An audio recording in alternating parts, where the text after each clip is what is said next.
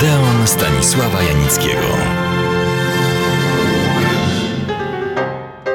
Sięgając w zamierzchłą przeszłość, opowiadam Państwu od czasu do czasu o przedziwnych losach sławnych ludzi filmu, szczególnie aktorów, bo im się życie najbardziej kiełbasiło.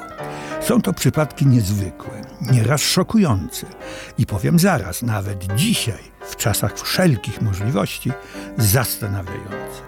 Zastanawiające, ponieważ są oczywistym potwierdzeniem lub jednoznacznym zaprzeczeniem pewnych, zdawałoby się, prawd znanych od wieków. Znanych, co wcale nie znaczy, że powszechnie stosowanych czy przestrzeganych. Po tej nieco zawiłej preambule przystępuję do rzeczy. Zdarzyło się, proszę się cofnąć w lata 30., a właściwie 40., coś, co wtedy stanowiło temat na pierwszą stronę gazet. Gazet, podkreślam, amerykańskich, przede wszystkim jednak hollywoodzkich. Choć kto wie. Nie będę przypominał, co działo się wtedy w Europie, a także już na Pacyfiku. Był bowiem rok 1942.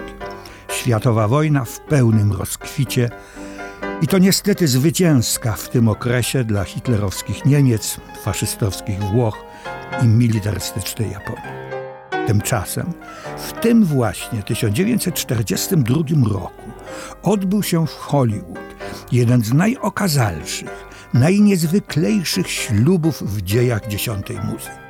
Na ślubnym kobiercu stanęli bowiem ulubieniec publiczności, amant z najwyższej półki, mężczyzna marzeń milionowych rzesz publiczności. Krytyka na ogół była też podobnego zdania. Cary Grant i, uwaga, jedna z najbogatszych panien młodych, nie mająca zresztą nic wspólnego z fabryką snów. Barbara Hutton. Ślub wszech czasów.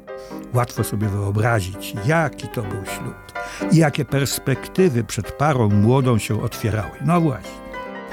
Ale może najpierw opowiem dokładnie, kim byli oblubieńcy. W języku sportowym nazywa się to prezentacją zawodników. Słuchacie Odeonu Stanisława Janickiego w RMF Classic. Najpierw on, Cary Grant. Tak naprawdę Archibald, czyli Archie Alexander, to już na dodatek, Leach, urodzony w angielskim Bristolu w 1904 roku w rodzinie ubogiej, mówiącej koknejem, czyli dialektem wschodnio-londyńskim, rzecz jasna używanym przez warstwy nie najlepiej wykształcone i nie najlepiej sytuowane.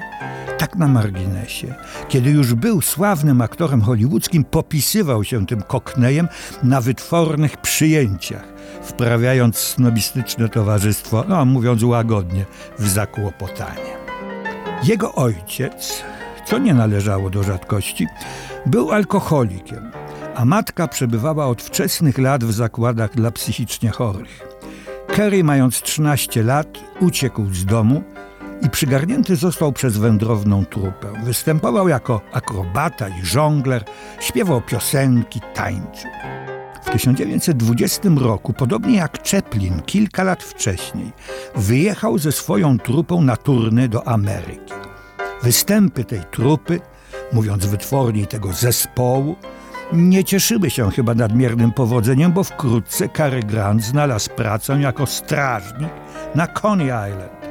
Porą zimową obnosił tablice reklamowe w centrum Nowego Jorku. Nic dziwnego, że w 1923 roku wrócił do Anglii. Tu lepiej mu się powiodło. Zaczął występować w komediowych zaczął występować w komediowych musicalach i to ze sporym powodzeniem. Co więcej, Arthur Hammerstein sprowadził go z powrotem do Nowego Jorku, gdzie na Broadwayu zrobił furorę w musicalu Złoty Świt.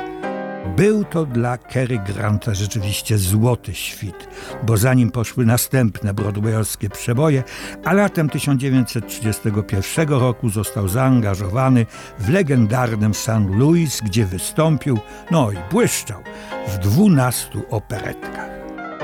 Nie jest zaskoczeniem, że zainteresował się nim Hollywood. Najpierw był rok 1932, Ostrożnie obsadzano go w rolach ważnych, ale drugoplanowych. Tytuły mówią same za siebie. To dziś, to dziś jest ta noc. Grzesznicy w pełnym słońcu, szczęśliwi idziemy do piekła. Szatan i dno. Deep ma mniej więcej 30 różnych znaczeń, więc nie powiem i nie wiem, przyznaję, o które chodzi, ale na pewno jest to coś okropnego. Dla Cary Granta nie było to jednak okropne, bo oto w tym samym roku zagrał w Blond Venus i to z kim? Samą Marleną Dietrich. Co więcej, się z nią oficjalnie i jawnie ożenił.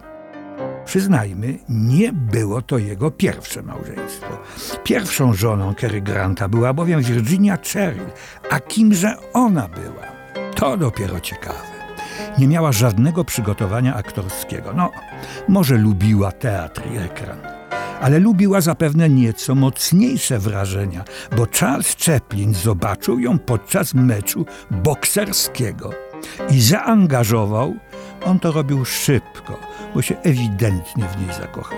Do głównej roli w swym następnym wielkim filmie Światła wielkiego miasta. Zagrała tu bardzo pięknie główną rolę żeńską, kobiecą, dziewczęcą, no miała wtedy 23 lata, niewidomej sprzedawczyni kwiatów.